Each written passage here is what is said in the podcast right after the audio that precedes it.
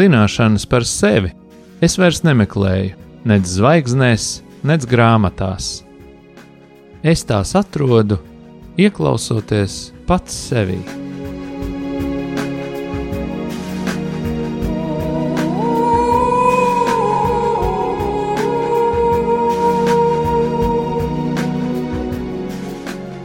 Raidījums Mīlestības terapija top mīlestības mājai, sadarbojoties ar profesionālo pastorālās konsultēšanas asociāciju.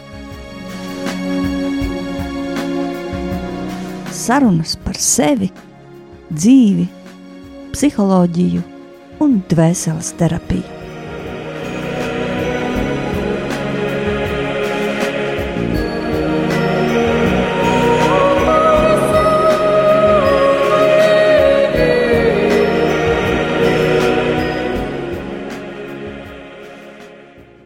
Labvakar, mīļie radio arī klausītāji! Šovakar, kā ierasts, ceturtdienas vakarā pie jums viesojās raidījums mīlestības terapija, un domājām, nu, kādu tēmu varētu apspriest šajā vakarā. Un man liekas, kas gan būtu tik raksturīgs septembrim, laikam, kad mūsu bērni sāk doties skolās un bērndārzos, kā tēma par to, kā labāk palīdzēt bērnam adaptēties izglītības iestādē, ja viņš savas skolas vai bērndārza gaitas sāk tagad, tik tikko. Un arī, kā jūs zinat, mēs savus raidījumus ierakstām mīlestības mājā, kas arī ir izglītības iestāde, gan mazliet savādāk izglītības iestāde kā ierasts. Es saucu mūsu māju par zinātnisku laboratoriju, kur mēs ražojam metodes, Tādēļ, protams, mēs esam savādāki, bet šis jautājums par adaptēšanos arī mūsu mājās ir bijis daudzu gadu garumā, tieši septembrī īpaši ļoti aktuāls. Un mēs esam par to domājuši un runājuši, kā palīdzēt bērniem, un arī esam radījuši iekšēji tādu adaptēšanās sistēmu. Pat varētu teikt, ka mēs visi zinām, kādā veidā palīdzēt bērnam pāriet no šī punkta A, kur viņš ir ļoti piesaistīts mammai un pieķēries, un viņam jānonāk punktā B, kur viņš uzticās sociālajai videi, skolotājiem, saviem draugiem, kur viņš dzīvo un piedzīvo sevi, dzīvi un izdzīvo to ar pilnu krūti, tā teikt. Un iesākšu, kā jau ierasts ar kādu gadījumu, pavisam īsi. Kāda meitenīte katru rītu, vēl joprojām pie vārtiņiem, iet uz pirmo klasi, un pie vārtiņiem atvadās no savas mammas un ļoti, ļoti raud. Un apķērusies, iespiedusies mammai krūtīs, un mammai grūti bērniņu palaist, un bērniņam ir grūti aiziet, līdz nāk skolotāja, paņem mazo bērniņu pie rokas, un mazliet sanāk pat atraut no mammas, un viņas dodas uz klasi. Un meitenīte kādu brītiņu vēl raud klasē, bet drīz jau viņa tiek interesēta ar visu to, ko nu, tajā skolā dara, jo tur ir daudz visākā aizraujoša un jauna, un tur ir bērni. Un viņi jau vairs neraud, un pēc stundas mēs skatāmies, meitenīte skrien priecīgi sarkaniem vaigiem un, un dara savus darbiņus. Bet ir nākošais rīts, atkal vārtiņi, atkal mamma, atkal siltais klēpis, un gaužas asaras, un atkal nāk skolotāja, paņem bērnu pie rokas un ved uz klasi.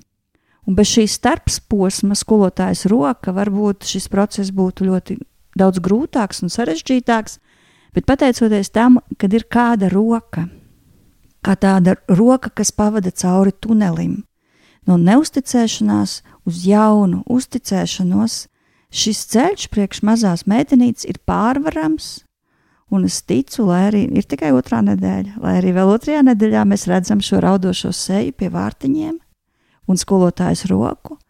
Vēl paies varbūt kāda nedēļa vai pāris, un šis bērns atvadīsies ar prieku no mammas. Un tāds ir šis adaptēšanās ceļš. Un jautājums šodien, šodienas raidījumā, nu, atnāk šis raudošais bērniņš. Stāv savas jaunās dzīves šīs sliekšņa priekšā. Kā mums, pieaugušajiem, palīdzēt? Cik daudz palīdzēt un kurā brīdī atstāt. lai viņš aug. Jo katram ir savas sāpes, savas ciešanas, caur kurām mums ir jāiziet, lai mēs pieaugtu. Ar mani kopā par šo tēmu šodien sarunāsies Guna, mūsu mīlestības mājas bērnu dārza audzinātāja. Šobrīd gaida savu bērniņu un ir pelnīta atpūtā, bet ļoti priecājos tev, Guna, satikt un, un parunāties eh, par šo tēmu. Tev arī ir pieredze, kā tu esi ar šiem raudošiem bērniem gājusi kaut kam cauri. Jā, labvakar! Tad, kad Inna uzrunāja šo raudošo pirmklasnieci, man uzreiz arī tā acu priekšā stāv neviens ne bērniņš, kas izgājis caur manu klēpi. Un nu, sirds vienmēr lūst, kad tu redzi, kā nu, tāds maziņš, varbūt pusotra gadnieks, ir apķēries mammai cieši ap kaklu un raud, un nu, ko tagad darīt. Tas, kas nu, ir ļoti palīdzoši, man liekas, šādā situācijā, ir, ka mamma nu, ir stabila tajā, ka mēs šo šobrīd darām, ka es, es esmu gatava, es pirmkārt kā vecāks esmu gatava tevi laist bērnu dārzā. Un tas būs labākais priekš tevis, labākais priekš mūsu ģimenes, ir kaut kādi apstākļi, ārēji, iekšēji. Nu, kāpēc, kāpēc mēs esam šeit atnākuši un mēs to darām? Pateikt sev kā pieaugušajiem, ka šis ir tas laiks un tā vieta, un bērniņš to ļoti jūt, vai mamma svārstās, vai nu, ka jā, šis lēmums ir pieņemts. Nu, tā tad viņš, viņš raud, viņš ir apķēries mammai ap kaklu Bet nu ir nolēmts, ka šodien, piemēram, būs jau tā diena, kad mamma dosies mm, savos darbiņos.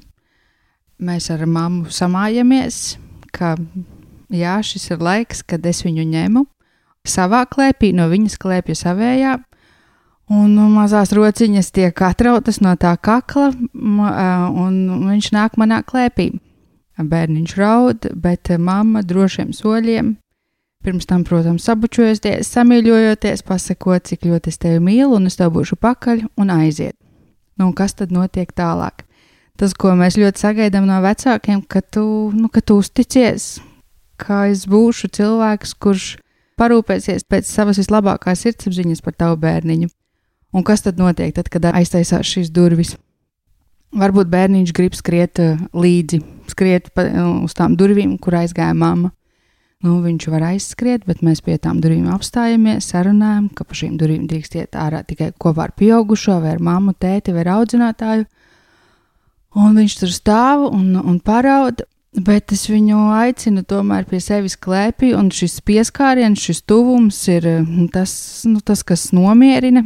Sākumā es viņam esmu pavisam sveša sieviete, bet jā, mēs veidojam šo arī tādu, nu, tādu arī fizisku kontaktu, kad es ņemu šo bērniņu klēpī un uh, varbūt viņš raud joprojām. Viņam ļauju paraudāt, izraudāt šo, šīs sāpes, un kādā brīdī es saku, ka es lūgšu par tevi Dievu. Es par viņu aizlūdzu, un, uh, jā, tur nereti jau pa šo laiku Dievs var darīt savas lietas, un, un bērniņš sāk jau nomierināties. Ja tas tā tomēr nav šai brīdī noticis, nu, dažādi tie gadījumi, mēs tomēr runājam par to, ka nu, mēs iesim pie pārējiem bērniņiem. Arī uh, man ir jābūt pie pārējiem, tāds, tādi šeit noteikumi.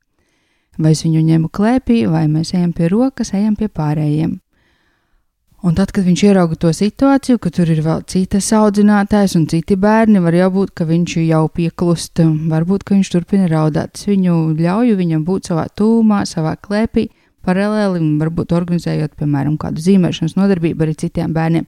Mēs tā kā esam kopā, bet reizē arī jau tā kā, nu, viņš mani redz un jūt, bet um, pēkšņi no tās svešās tantes es viņam jau tomēr esmu kļuvusi mazliet par savējo, jo tikko mēs varbūt bijām tajā koridorā un raudājām tur divatā, nu, viņš raudāja, es viņu mierināju, Bet, jā, tad, kad ir tie daudzie cilvēki, tad nu, pamazām es viņam kļūstu par to uzticības personu. Tas man liekas, ir tāds ļoti nu, izšķirošs eh, brīdis šai adaptācijas peri periodā, ka ir nu, vismaz viens vai draugs, varbūt jau kas viņam ir iepriekš bijis pazīstams šai bērnu dārzā, vai tā ir audzināta, ar ko viņš šobrīd veido šīs attiecības. Dažkārt jaunas audzinātājas mazliet biedē tas, ka vai man, nu, man kāds bērniņš ļoti, būs tik ļoti pieķēries, nu, ka es viņam esmu kā otra mamma, bet nu, es iedrošinu no, šī, kā, no šīm attiecībām, no šīm ļoti ciešajām attiecībām nebīties. Jo vienā brīdī tas nu, pavisam dabiski arī tā kā jūs attālināsieties viens no otra. Bērns jūt šo, nu, šo, šo tuvumu, un nu, tas ir tas, kas ļoti palīdzoši.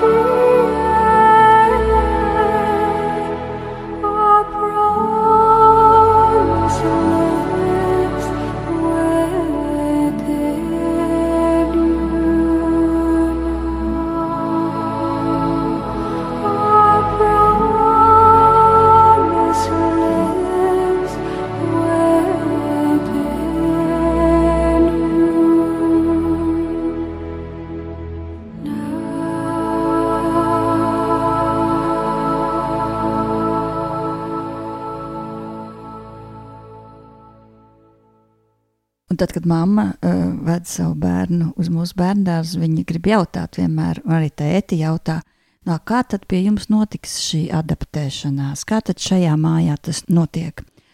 Vai es drīkstēšu pabūt grupā, vai kur man palikt, vai man iet uzreiz projām. Un katrā iestādē īstenībā ir savas tradīcijas un droši vien kaut kāda savi pieņēmumi, kā tam jābūt.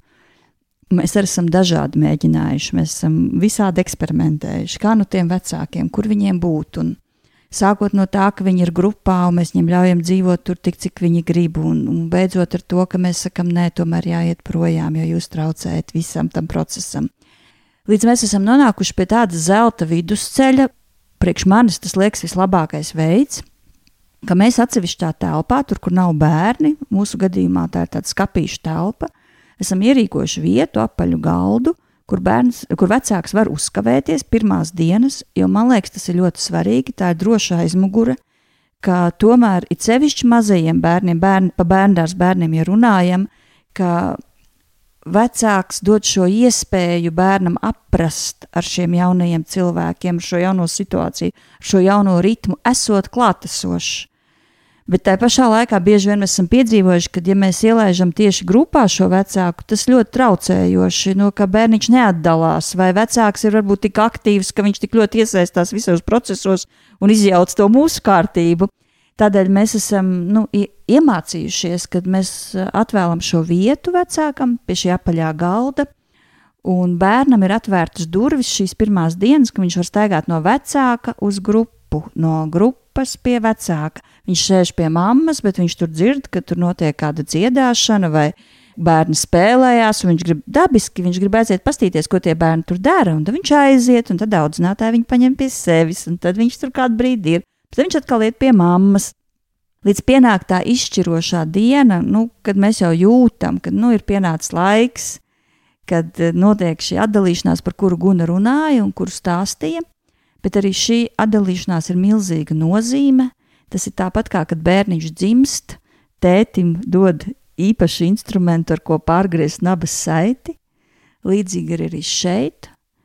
bērniņš dzimst, bet viņš dzimst priekš sociālas vides, priekš sociālas aktivitātes, priekš sociālas būšanas, priekš um, eksperimentiem, lai mācītos realizēt savu potenciālu, lai trenētos gan komunikācijā, gan savos talantos. Tas ir ārkārtīgi svarīgs brīdis. Un ja šī saite ar mammu netiek pārgriezta, tad var redzēt, ka tomēr tā attīstība nenotiek tik raiti un tik spēcīgi, varbūt kā bērniem, kuriem šī saite ir pārgriezta. Un tādēļ eh, šī, šis brīdis ir ļoti, ļoti svarīgs. Tas ir ārkārtīgi nozīmīgs. Tas ir tiešām līdzvērtīgs jaunai piedzimšanai, bet arī dzemdības var būt ļoti dažādas. Un tādēļ ir ārkārtīgi svarīgi šie apstākļi, emocionālie apstākļi un šie cilvēki, šīs rokas, kas palīdz bērniņam pāriet no viena punkta uz otru punktu, no punkta A uz punktu B. Ina pieminēja mm, saiti, kas uh, savieno mā, māmiņu un bērniņu. Un, um, uh, mēs ar kolēģi vedam arī tādu grūtnieču nodarbības, un tur mēs runājam par sirds saitīti. Um, varbūt kādam no jums var noderēt šis, um, šī tāda vizualizācijas tehnika. Um, Es pati viņu izmantoju tad, kad uh, laidu savu puiku un vecāko pirmo reizi bērnu dārzā un stāstīju viņam par šo sirds saitīti. Uh, vienmēr sakot, ka tu vari savam bērnu dārzniekam, bet, kā jūs teicat, jebkurā, jebkurā vecumā īstenībā tu jau vari ar šo bērniņu runāties, domāt vai vārdos un stāstīt, ka mammas sirsniņu un tavu sirsniņu savieno kāda īpaša, neredzama saitīta. Un tā var būt zeltīta vai maiga rozā Un šīs aitītes stiepjas no tavas sirsniņas uz manējo. Tā iet cauri laikam un telpai. Neviens viņu neredz, bet mēs zinām, ka tā mūs savieno. Un tad, kad tev ir grūti, un tad, kad tev uznāk kādas skumjas vai bēdas, tu vari kā, ieslēgt, aktivizēt šo saitīti, un tu zini, ka es tev sūtu savu mīlestību, lai cik tālu mēs viens no otra būtu, mēs kaut vai, jā, vai mēs neredzam viens otru, bet tu zini, ka es tevi ļoti mīlu, un, un tu arī vari man sūtīt savu mīlestību, un nekas, nekas šo saitīti nespēj saraut.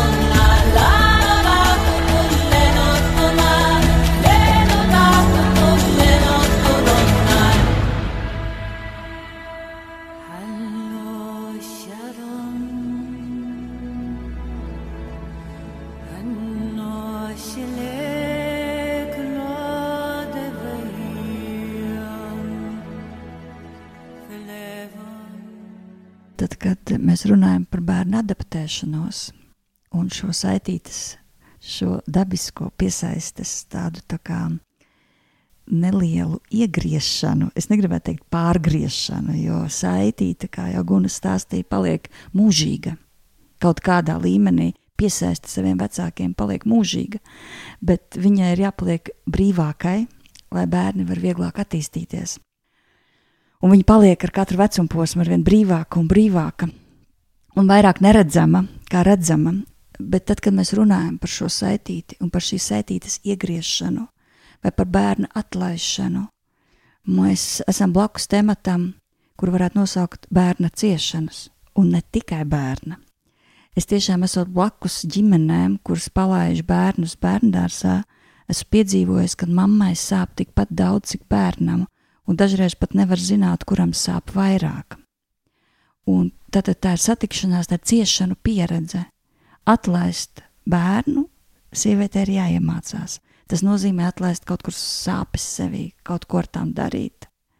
Mamma zvana citreiz un, un grib saņemt to atbalstu, tieši tāpat kā bērni. Bērniem tas ir nepieciešams. Un arī bērniem sāp, un bērniem ir ciešanu pieredze. Un te vienmēr ir tāds jautājums, kur ir tā robeža, kuras ir tās ciešanas, kuras mēs saucam pēc tam par traumu, un kur ir tās ciešanas, kuras ir nu, simboliski sakot, kā tāda rūkta tablete, kas tev ir jāizdzer, lai tu pieaugtu. Piemēram, mēs skolā satiekamies ļoti bieži dažādām situācijām. Kāds ir iespītējies, negrib mācīties, negrib lasīt, tur negrib rēķināt. Vakar arī strādāja ar vienu puisīti, kurš negrib lasīt. Un viņš skolotāji viņam liek izlasīt trīs vārdus, un viņš izstāsta viņai, kāds, viņai, kāds tik viņam nav diagnozes un kāpēc viņš nevarētu lasīt. Bet uh, viņam ir jālasa. Viņam ir jātrenēs lasīt. Lai viņš nonāktu no tā punkta, es nelasīšu līdz punktam, kad viņš lasa, tur pa vidu ir tāds ciešanu koridors. Un tas ciešanu koridors ir ļoti svarīgs priekš bērnu. Tā ir rūktā tablete. Tur ir jāparaud, tur ir jāizplosās, varbūt jāizdusmojās kārtīgi. Trauma var veidoties tad, ja mēs bērnu šajā ciešanu koridorā atstājam vienu, mums ir viena alga. Bet tad, ja es ar viņu eju kopā, pat ja es viņu atstāju vienu uz kādu brīdi, bet es esmu savienota ar šo sirds saitīti, es saku, jā, es esmu ar tevi kopā, es esmu par tevi. Bet aiziet, tiec ar to, to visu savu spīteli galā vai savu to iekšējo dusmu, izdusmojies, riktīgi apskrien apkārt mājai, mēģina tikt ar to galā. Ja es vadu šo procesu un vedu bērnu šim koridoram, tad bērni pēc tam saka ļoti, ļoti lielu paldies. Tad tie ir pēc tam mūsu draugi. Un tās ir tāda pieredze, kas mūs savieno uz daudziem gadiem, un mēs nekad nepaiesim viens otram uz ielas vienkārši garām. Tad ciešanas, vai kā rūkta tablete, vai kā pieredze, kas tev traumē. Es vēlreiz laikam gribu atgriezties pie tā, ka uh, svarīgi ir tas, svarīgs ir tas pieaugušais, jau arī ko Inna tikko pieminēja, uh, kas ir blakus un stabils un zinošs tajā, ka šis tas, ko mēs darām, vai mēs mācām tev lasīt, tev noteikti vajadzēs dzīvē lasīt, vai es tūlīt varu padalīties ar mūsu ģimenes arī šobrīd pieredzi eh, par to, kā mēs adaptējam savu četrgadnieku mazā bērniņa ienākšanai ģimenē, ka mēs skaidri zinām, šis būs priekš mūsu ģimenes, tas, ko mēs darām, tas ir vislabākais priekš tevis, priekš mums, un mēs to darām. Mēs esam konsekventi, stabili, pieaugušie blakus. Jā, un tad, nu, tā situācija, kuru mēs šobrīd ģimenē izdzīvojam, trešo nakti pēc kārtas, ir tāda, ka mūsu četrgadnieks katru nakti, eh, gandrīz katru uz rīta pusi, ierodas mūsu ar vīra gultā. Un līdz šim tas ir bijis, nu, mēs esam ar to jutušies normāli, un viss ir kārtībā, un viņam gribas šo ādas kontaktu vēl. Un, tas, nu, jā, nu, priekš mums tas viss ir bijis labi, un viņam ir droši, un mums tas netraucē, un viss kārtībā. Bet eh, kādu vakaru es saprotu, ka nu, pēc eh, mēneša šī vieta vispār būs aizņemta. Tur gulēs parasti mūsu ģimenē zīdainieši guļ blakus mammai un naktī ēd, un tur nebūs vairs vieta četriem cilvēkiem. Un es tā kā ieminos vīram par to, ka nu, mums vajadzētu laikam kaut ko darīt ar šo situāciju. Un viņš uzreiz saka, jā, viņš uzreiz pasauca Dāvidu, un viņš saka, Dāvid, tu šonakt, šonakt vairs nenāks pie mammas. Es biju šokā par to, ka mēs nebijām to izrunājuši tā, un, un man gribējās to tā saudzīgi un lēnām un mierīgi. Bet tas, ka um, vīrietis, tētis pateica ļoti skaidru um, tādu vēstījumu, šo mēs tagad beidzam. Uh, tas deva, man liekas, nu, tādu lielu drošības sajūtu arī puikam, ka Nu, tā kā neforši, bet eh, nu, izklausās, izklausās, ka citu variantu nav.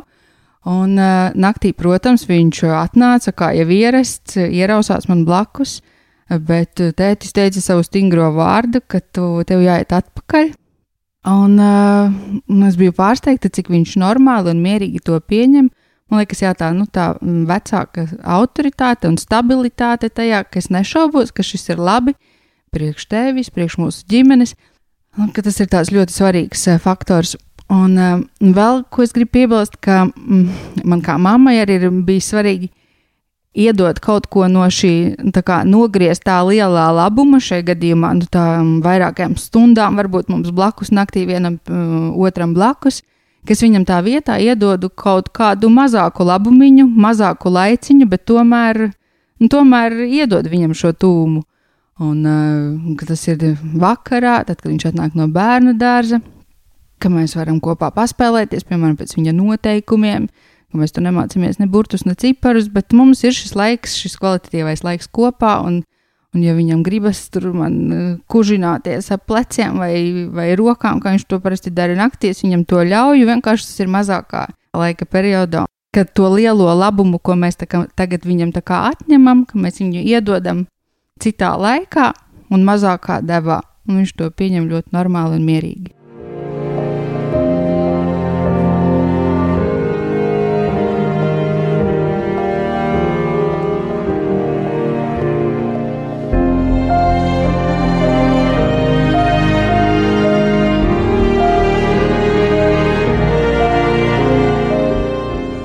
Jau runājām, tā kā atdalīšanās ir vienmēr saistīta ar sāpēm, gribētos arī šī vakara lūkšanu mūsu raidījuma beigās veltīt tiem vecākiem, kuri palaiž šodien, šajā laikā savus bērnus uz bērnu dārzu, uz skolu, un kuriem ir nepieciešams garīgs atbalsts šajos sāpīgajos brīžos, varbūt sāpīgajos procesos. Tādēļ atvērsim savas sirdis, atvērsim Dieva garam, ļausim viņam plūst un lūksim. Mīļais debesu Tēvs, es nāku tavā priekšā kopā ar visiem tiem cilvēkiem, kur lūdzu kopā ar mani. Un lūdzos, Kungs, Jēzu, ka tu apsteigā visas ģimenes mūsu zemē. Visas tās ģimenes, kur bērni uzsāk savas sociālās gaitas, un uzliec katram šim bērniņam savas caurdurtās rokas un caur savām brūcēm dziedini katru viņa sirsniņu. Ja tā ir ievainota, ja tā ir traumēta, no kādas pieaugušo attieksmes, tad pieskaries kungs. Pieskaries katrai pieredzēji, un pieskaries kungs ar savām caurdurtajām rokām arī katra skolotāja un audzinātāja sirdī, kurš uzņem šos bērnus, atver viņas sirdis palīdz viņam būt kopā bērnu ciešanās un pieņemt šīs ciešanas kā rūktas tabletes pieaugšanai. Svētī Tēvs katru procesu, svētī arī katru ģimeni, kura palaiž savus bērnus. Svētī ar pacietības dāvanu, ar gudrību teikt īstos vārdus. Es tevi mīlu, tu man esi svarīgs, es būšu tev pakaļ. Mūsu savieno neredzamas saites, mēs mīlam viens otru. Nāc, kungs, atver, atver sirds durvis, atver lūpas šim labajiem vārdiem. Un svētī, kungs, katru ģimeni, katru mazo bērnu, kurš iet pa šo koridoru, atdalīšanās koridoru, un svētī katru mammu, kurai ir jāpalaiž, kurai jāmācās atlaist savi bērni. To visu mēs lūdzam Dieva tēva, dēla un svētā gara vārdā. Amen!